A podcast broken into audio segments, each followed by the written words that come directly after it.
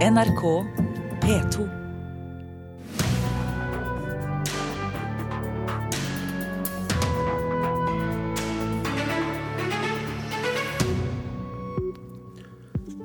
Folk stoler mest på nyheter fra radioen, viser ny undersøkelse. Unge kvinner redder gardemusikken. En bisarr og angivelig ekte historie er blitt til spillefilm. Regissør Kristoffer Borgli har eh, laget film med komiker Amir Askar Nejad om kunst og kommers. Og de kommer hit til Kulturnytt her i Nyhetsmorgen i NRK P2 i dag med Ugo Fermariello. Og vi spør også om det går an å snakke om absolutt alt. Vår kritiker har sett norgespremieren på et nytt stykke av den omdiskuterte danske dramatikeren som skrev stykket om 22. juli. Radioen er det mediet folk stoler mest på. En ny undersøkelse viser at folk har mye større tiltro til nyheter de hører på radioen, enn dem de leser i papiraviser eller på nett. Vi blir korrigert for kostnadskuttene våre, sier en avisredaktør. NRK Dagsnytt, Ulf Tannes Fjell. Det du hører her, er den måten å presentere nyheter på som har størst tiltro hos publikum, nemlig radioen. En ny medieundersøkelse som blir presentert på Nordiske mediedager i Bergen senere i dag, viser nemlig at radioen troner øverst når folk blir spurt. Hvor stor tiltro har du til nyhetene i ulike medier? Men det har nok kanskje noe med at eh, radio er jo et medium som har vært der veldig lenge. Dette er Eva Berget. I studio til NRK Hordaland sin ettermiddagssending skal hun snart inn med siste nytt. Men først gir hun sin forklaring på hvorfor folk har større tillit til nyheter på radio enn f.eks. nyheter i papiraviser eller nettaviser. Folk har et forhold til det, det er veldig oppdatert. Du skal litt senere i denne reportasjen få et eksempel på hvor umiddelbart radio kan være, på godt og vondt. Men først til en kafé i Bergen. Der sitter kulturredaktøren i Bergens Tidende og ser at mens 96 og 93% av de spurte sier de stoler noe eller mye på radio- eller TV-nyheter, så er det tilsvarende tallet for nettaviser midt på 80-tallet. Vi må gjøre noe for å styrke tilliten til journalistikken vi presenterer i nye kanaler og på nye plattformer.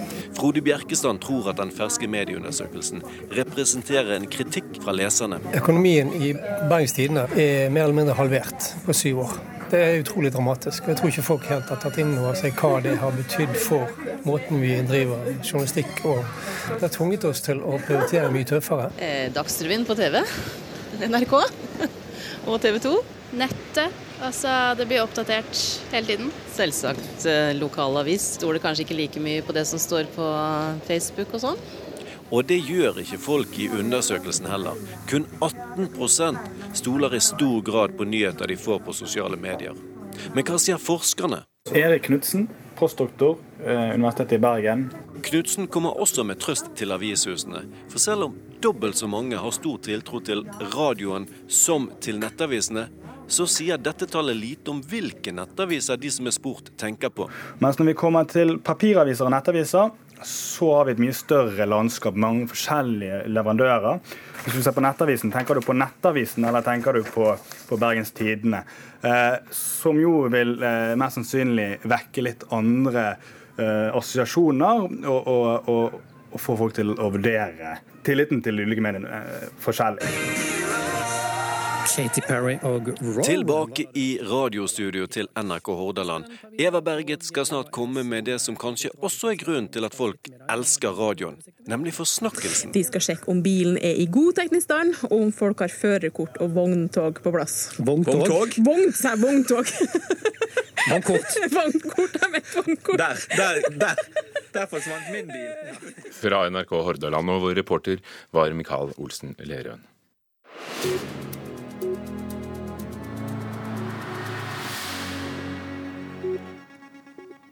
Det er veldig populært. Over 166 millioner mennesker bruker bildedelingstjenesten Snapchat, og likevel sliter de.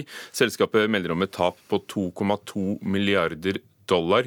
Eh, hva er det som skjer, eh, reporter Hans Olav Riise?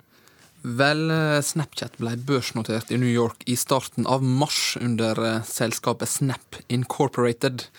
Og sent i går kveld så la de fram sin første kvartalsrapport med heller nedslående tall. Det innrapporterte tapet er altså på 2,2 milliarder, noe som tilsvarer 19 milliarder norske kroner. Aksjer gikk ned med hele 25% på børsen. Opp som en løve og ned som en bjørn. Hva er bakgrunnen opp som en bjørn og ned som en fell? Hva er bakgrunnen for de store tapene? Nei, altså En del av grunnen er at de leverte rett ut et dårligere resultat enn venta. Men eh, veldig stor konkurranse med Facebook, og da Facebook eide Instagram og Instagram Stories, som er veldig veldig lik Snapchat, er del av grunnen. Og Instagram Stories passerte nylig 200 millioner brukere. da. Vi hørte tidligere i uken eh, her i Kulturnytt eh, om regjeringens forslag til ny åndsverkslov. Det får folk til å mobilisere. En farfar i livet skulle alle ha.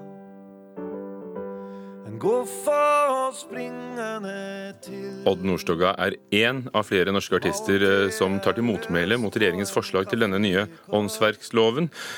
Og i dag er det altså flere, også kunstnere, Hans Olav? Ja, det er um, også i avisene så skriver Dagbladet på lederplass at folk må støtte kunstnere og artister. De skriver at den nye åndsverklova svekker stillinga til kunstnerne. Det problematiske i forslaget til ny åndsverklov mener mange er den delen av lovteksten som sier at opphavsretten til et verk blir overført til arbeidsgiver dersom kunstneren er i et ansettelsesforhold. Eh, kunstnerne får i dag også støtte fra førsteamanuensis Irina Eidsvoll Tøyen ved Institutt for rettsvitenskap ved BI, som i Dagens Næringsliv mener kunstnerne bør være uroa for eh, tap av inntekter. Denne uken var det jo høring, så denne kampen er jo ikke over, og derfor er temperaturen høy. Takk skal du ha. I get that good vibe buzzing. I'm gonna kill that voice in my head. I don't care about falling. I'm gonna grab the moment. Å være eller ikke være med i finalen i Melodi Grand Prix, Eurovisjonens melodikonkurranse, det er spørsmålet. I kveld blir det avgjort om Norge ryker ut i delfinalen, eller blir med til den store finalen lørdag kveld. Reporter Helga Tunheim på plass i Kiev. Det var masketrøbbel under prøven i går. Denne lysmasken til komponist Joakim Wittsten, bedre kjent som Jost, eh, lyste ikke. Men gjør den noe? Det var jo bare prøven.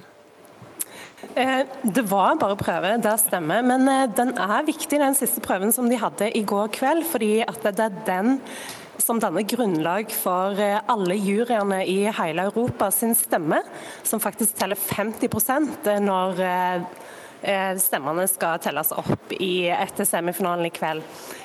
Og Jan Fredrik Karlsen, hva var det egentlig som skjedde i går?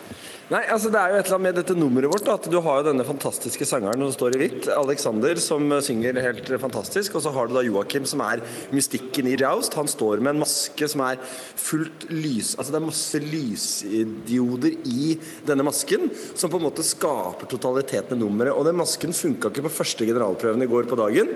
Vi sjekket alt sammen, og teknikken her nede tok vare på masken, fiksa alt sammen. Og så kommer vi på den store generalprøven i går, som helt riktig, utrolig utslagsgivende. Fagjuryen bestemmer 50% av stemmene. Og da skulle alt funke. Gå på scenen, og så funker ikke masken. Og det er klart at det blir jo en opplevelse av en nedtur for oss. Det er jo klart poplåta i seg selv og alt annet gikk kjempebra. Det funka som bare det. Folk i salen digga alt mulig. Men når ikke totaliteten blir perfekt, så må vi på en måte ta alle midler i bruk. Og vi sendte inn en klage til EBU. Den ble ikke hørt. Selvfølgelig stor skuffelse for oss. Og det skaper jo også en usikkerhet, fordi selv om de sier at nå kommer det til å funke, så vil det alltid ligge en spenning og en nervøsitet om dette kommer til å funke i kveld, når det faktisk virkelig gjelder for europeiske publikummet. Mm. Eh, hos bettingselskap så ligger Norge litt sånn på vippen om vi går videre i kveld eller ikke går videre. Altså Vi ligger ikke på vippen, men vi ligger ikke helt øverst. Men Norge kommer til å gå videre. Vi er fortsatt den tredje mest streama låta. Det er Italia, Sverige og Norge. Og uh, Italia og, og, Sverige har ligget langt foran oss. Nå ligger det helt likt på streaming per døgn. Så det betyr at folk oppdager låta flere og flere ganger, og at vi dobler på en måte streamingtallene, er et veldig godt tegn. Men vi skal levere i kveld, og norske folk må bare følge med, heie på, ta på norske flagg på brystet. Vi skal gi absolutt alt. Mm. Hva er det som er styrken til det norske nummeret? Styrken vil jeg definitivt si er at det er en moderne poplåt, sånn som poplåter låter på radio i dag. Den er super catchy. Du tar det med en gang. Første gang refrenget kommer, så tenker du jøss, dette var jo veldig bra. Og så synger du med på andre gang, og tredje og fjerde gang så kan du den. Er det sånn, eh, altså Stemningen før eh, semifinalen i kveld, er det sånn at dette med masker nå eh, ligger og murrer litt, eh, og at det, det tar en del eh, energi og oppmerksomhet? Altså det vil si at Jeg er jo positivt anlagt, så jeg tenker at det skaper hvert fall masse spenning. Og det blir ikke en kjedelig dag på jobben. Eh, og så får vi bare håpe at det funker. Men gutta kommer til å gi absolutt alt. Og de gutta de er så utrolig skjønne. De er superproffe. Og de merka nesten ikke at dette skjedde før vi snakket om det i etterkant. For de var inne i bobla, og de leverte på scenen. Mm. Du har nå vært eh, det andre året du er MGP-general. I fjor gikk Norge ikke videre til finalen. Eh, hvis de ikke går videre til eh, finalen i år, hvor stor krise er det? Nei, altså vi har, eh, altså Det norske folk har høye forventninger. Jeg har høye forventninger, og ambisjonen når du er musikksjef for Melodi Grand Prix, må være å vinne Eurovision Song Contest. Det er vår eh, ambisjon i år også. Og vi går inn med å komme oss videre til finalen. Og så får vi ta eventuelt det eh, når vi eh, står der i kveld og snakker sammen. Men jeg er ganske sikker på at det er gledesscener, og at alle, hele norsk pressekorps kommer til å klemme oss og takke oss for at vi kom til finalen. Ja, så Da eh, får vi bare se hvordan det går i kveld, og Norge er nummer tolv eh, i rekka. Takk skal du ha, Helga Tunheim. Det er klokken 21 det skjer på NRK P1 og på TV.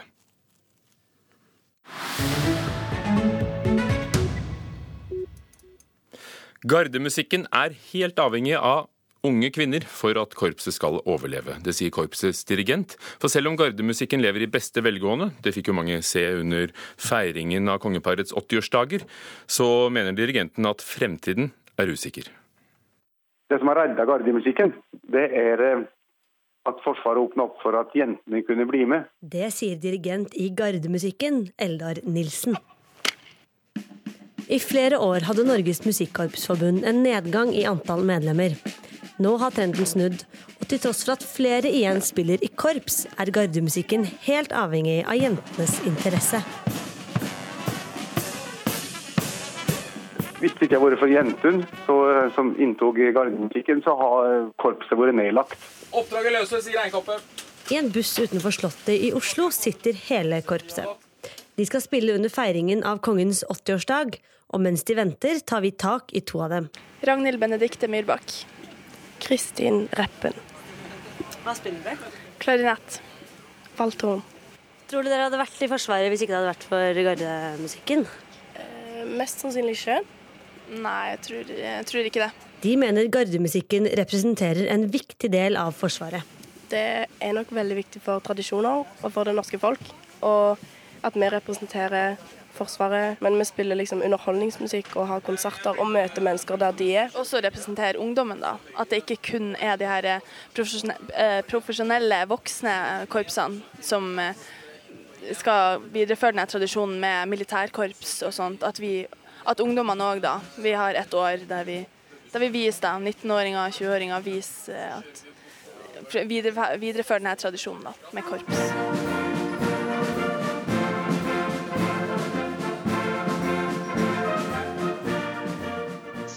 Altså, Garden er jo avhengig av å ha god rekruttering framover. Sier Harald Eikås, musikksjef i Norsk Musikkorpsforbund. Det var nok større konkurranse om plassene i, i tidligere tider enn det kanskje er per i dag. Så vil jeg samtidig påpeke at uh, fra Norges Musikkorpsforbunds side så ser vi at Garden også er en fin arena for unge mennesker. De får en, et flott år til å utvikle seg der. Så vi håper jo selvfølgelig at Garden skal leve godt framover og holde høyt nivå. Men selv om gardemusikken nå lever i beste velgående, ser fremtiden mørkere ut. Åse har veldig veldig god erfaring med, med jenter i, i gardemusikken. Så det er ikke, det er ikke helsvart, det er på ingen måte det. Det er, det er utfordrende framover. Jeg ser ikke bare positivt på, på framtida hvis utviklinga går i den negative retningen.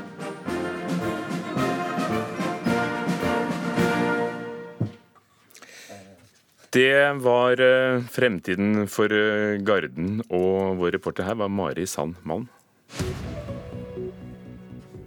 Du hører på Nyhetsmorgen i NRK P2. Klokken er passert 8.17. Hovedsaker i dag. President Donald Trump i USA var dypt frustrert over FBI-sjef James Comey og følte at han ikke kunne stole på ham, og derfor fikk Comey sparken, ifølge flere amerikanske medier.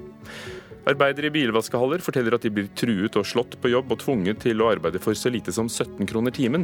Likevel har Arbeidstilsynet gått god for vaskehaller, selv der arbeiderne har varslet om tvangsarbeid. Komiker Amir Askarnejad ble kjent for flere da han eh, gjorde stunt fra 2012 og utover, bl.a. en video der han provoserte en dørvakt med balltre og ble slått ned, eller ble kastet ut av Aserbajdsjan under NRK-dekningen av Melodi Grand Prix den gangen. Det var disse stuntene, de ble sett over en million mennesker og førte til intervjuer i BBC og verdenspressen, som førte til at han fikk en kontrakt, et millionkontrakt med et energidrikkemerke i USA, og denne ganske utrolige historien er nå blitt spillefilm. You know, it's just so typical that whenever a brand embraces something that was successful online, they immediately remove whatever was working, and the authentic aura becomes this fake empire aura, and they tamper with the aesthetics, turning it into this brand old thing. You know, for this project to work, it must be believable. Det må være troverdig for at dette skal virke, sier eh, reklameguruen her, spilt av Brett Galman, eh, amerikanske komiker. Kristoffer Borgli, du er regissøren. Drib har premiere her på fredag eh, i Norge. Den hadde premiere i mars på South by Southwest-festivalen i Houston eh, tidligere i, i, vinter. Hvordan vil du beskrive filmen, for det er litt uh, vanskelig ja. utenfra? Hvor lang tid har jeg å forklare? 20 sekunder. ok. Uh, en sjangeroversklidende satire på moderne markedsføring og medieverden, kanskje. Um, og så må jeg bruke litt mer tid hvis jeg skal gå i detalj. Amir Asgharnejad, du er komikeren. Dette er da angivelig din historie. Eh, det handler om energimerket Drib, som ikke finnes i virkeligheten. Enda dere har laget en veldig troverdig nettside hvor vi faktisk kan kjøpe alt fra silkeskjerf med motiver fra filmen eh, til shorts i dykkerdraktstoff osv. Hvor viktig er det for deg, og for at dette er morsomt, at vi tror på det du forteller? Eh, veldig viktig. Men hvorfor skal vi tro på det? Fordi det er sant. Må vi ta ditt ord på det? Uh, ja. Kristoffer, og Kristoffer sitt ord på det. Kristoffer Børli, hvordan oppsto i det hele tatt deres samarbeid? Uh, det var da vi skulle til Aserbajdsjan og um, ble hyret av NRK, som vi befinner oss på nå. Uh, og jeg hadde aldri møtt ham før, og eh, ble introdusert av felles venn Sturla Hausgjerd. Og ble veldig fort forvirret av Amirs personlighet da vi skulle møtes de første gangene. Og når vi først landet i, i Baku og Aserbajdsjan, så begynte vi å lage dette showet vi skulle lage for NRK, og så fant Amir på at han hadde lyst til å lage heller en mediaskandale der nede enn, enn å gjennomføre oppdraget. da. Amir, din, din, humor, er det pute påkrevd når vi ser på det? For det fører jo til noen situasjoner som, eh, som er ganske um, ubehagelige å se på.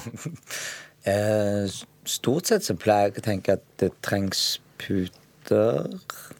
Men eh, kanskje noen ganger. Ja, jeg kan oppleve det. Men jeg vet ikke, jeg tenker ikke over det selv så mye, fordi jeg gjør det så mye på en måte, Så jeg tenker ikke over at andre folk skal se på det her og tenke oh, det her er flaut. det her er...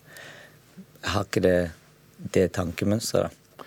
Sett at vi tror på deg. At du ble, ble, hyret inn for å dra til LA uh, for å være med i en uh, viral markedsføringskampanje for et uh, kjent energidrikkemerke.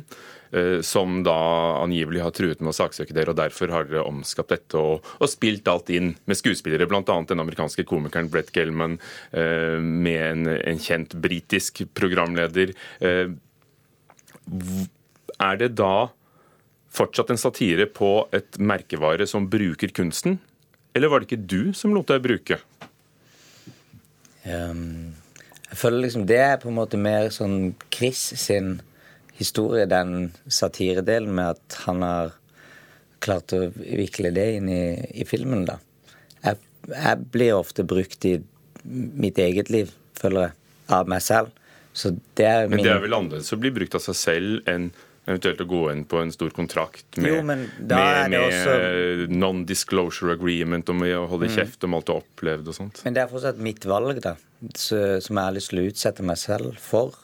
Jeg kunne på en måte takka nei og ikke vært med på de små eventyrene da, som hadde gjort performance-prosjektet mitt. da. Så jeg må liksom gjøre og utsette meg for sånne ting. Sånn at eh, jeg får oppleve de tingene. Ofrer eh, integritet for kunstens skyld. Hvem er det du parodierer? Er det merkevaren, eller er det performancekunstneren Amir? Ehm, jeg, kan, jeg føler ikke det er en direkte parodi, men det er litt sånn uh, vis, Ta med publikum inn i et univers og et spesifikt miljø som kanskje folk ikke kjenner til eller har sett. Det er jo noen kostelige eh, karikaturer av downtown Hollywoods reklameverden og skuespilleri. Ja, absolutt. Det er uh, mye materiale for uh, humor i disse industriene, da. Hvorfor er det så spennende som dere har gjort, ikke bare nå, men også da dere da ble kastet ut, eller Amir ble kastet ut av Aserbajdsjan og ble intervjuet på TV her. Eh, Denne videoen med en dørvakt som ble sett over hele verden. Hvorfor er det viktig å operere i det feltet hvor vi ikke vet om dette er sant eller ikke? Jeg tror ikke det er viktig. Det spørs liksom hvordan han ser på liksom, Hva, sier- film. hva sier det? Det er viktig nok til at du har gjort det. Ja, ja. Uh, det, hele dette prosjektet begynte som en, uh, en uh, internvits. Og vi har, sånn, vi har en sånn teori om at humor er liksom private lols, som vi kaller det, er de morsomste. At vi går ikke til eh, mainstream TV og sånt for å få vår humor. Eh, den samtalen vi har internt, er alltid mye mer morsom. Og da føler vi også at hvis vi begynner eh, som en internvits og egentlig ikke åpner opp helt, så tror jeg det for de få som klarer å, eller har lyst til å henge seg med på det, så blir det en mer morsom opplevelse. Hva syns du om å ha spilt en hel film, og ikke to minutters sketsjer og jeg likte det veldig godt. Det var veldig gøy å være med på, faktisk. Jeg fikk en liten bi, eh, god bismak av eh, skuespiller. Tenkte jeg kanskje jeg skal begynne å satse på det. ekte skuespillere? Jeg prøver å se hva det kan bli. Men du sår bevisst tvil om ting har funnet sted eller ikke, ved å si forskjellige ting til forskjellige medier? Gjør jeg det? Ja, jeg vet ikke, jeg føler du har sagt det samme overalt, ja, men det, kanskje det det er, Vi blir beskyldt for å være kryptiske og, og misvisende hele tiden, mens vi egentlig er veldig åpne og prøver å forklare prosjektet hver eneste gang. Hva tror du Amir eh, Asghar-Nejad er, er det som gjør at det, det slår an? Filmen. Det er en veldig høyenergisk og morsom film. Uh, uavhengig av alt annet. Eller sånn, hvis man skal, og så har du hele fortellinga. Og så har du skuespillet til annet som Brett Gelman, som er helt fantastisk. Ja, det, det er liksom, Clashet mellom oss to, som er ganske sånn reell. Ja, nå holder du kjeft. Nå er det min tur til å snakke, OK? Takk skal dere ha. Nå må dere holde munn begge to. Kristoffer Borli, regissør, og Amir Asghanejad, eh, hovedrolleinnehaver og komiker i Drib, som har norgespremiere i morgen. Se den nå!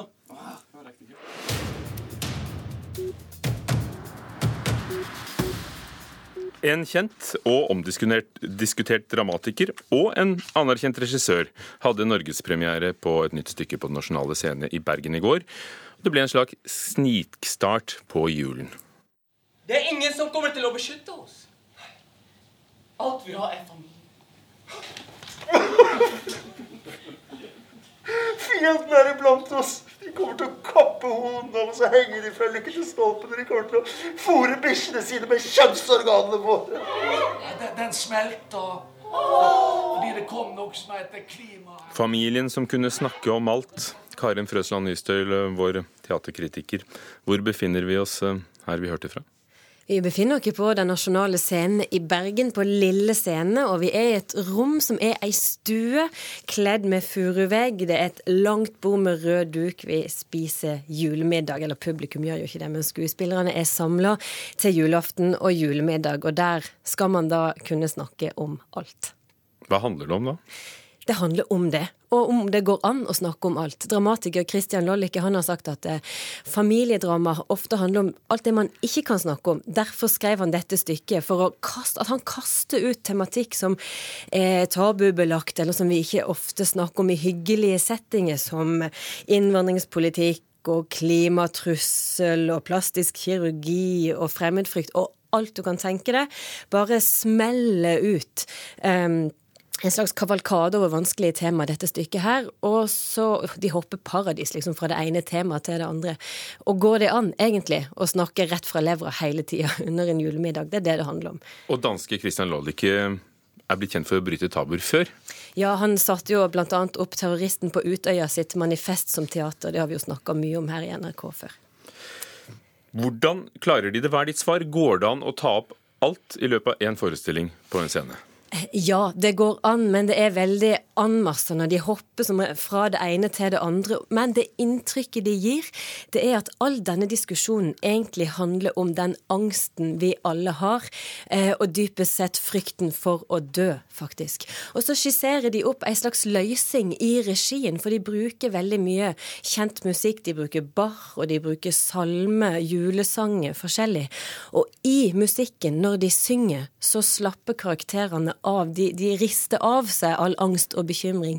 Eh, leser de et dikt, så skjer det samme. Og i en veldig fin passasje så, så synger de rett og slett ut rett og slett synger det de er redd for. Og her syns jeg da Øyane, regissøren, skisserer et svar på, på, denne angsten som jeg opplever at ligger under, nemlig kunsten kan, ja, for å bruke store ord, sette det fri. Er det da regissør Per Peres øyeansvar, eller din tolkning av det? Ja, Det er i hvert fall min tolkning av det. Men jeg syns at hvis man bare skal se dette stykket som en, som en, forskning i om man faktisk kan snakke om alt i alle settinger uansett, så syns jeg det blir et ganske overfladisk og, og litt grotesk stykke, for det er så karikert, og det går aldri i dybden på noen ting annet enn et slags tidsbilde. Men hvis man går bakenfor det og ser etter det djupt menneskelige, så får man et veldig interessant stykke. Så det, så det balanserer her. Det er liksom to ting på en gang, og jeg velger å gå for det jeg syns er interessant. Det, det, er en julemiddag. Burde det vært satt opp i desember? Ja, Definitivt. Jeg lurer på hvorfor de har valgt å sette det opp i mai, for dette er et julestykke. Og man skal ikke være redd for å spille ut et julestykke uten et Jesusbarn. Liksom en julemiddag uten, uten eh, julekrybber på bordet eh, i desember. For sånn er jula for mange. Takk, Karin Frøsland Nystøl, som hadde sett familien som kunne snakke om alt på Den nasjonale scene i Bergen i går kveld, på norgespremieren.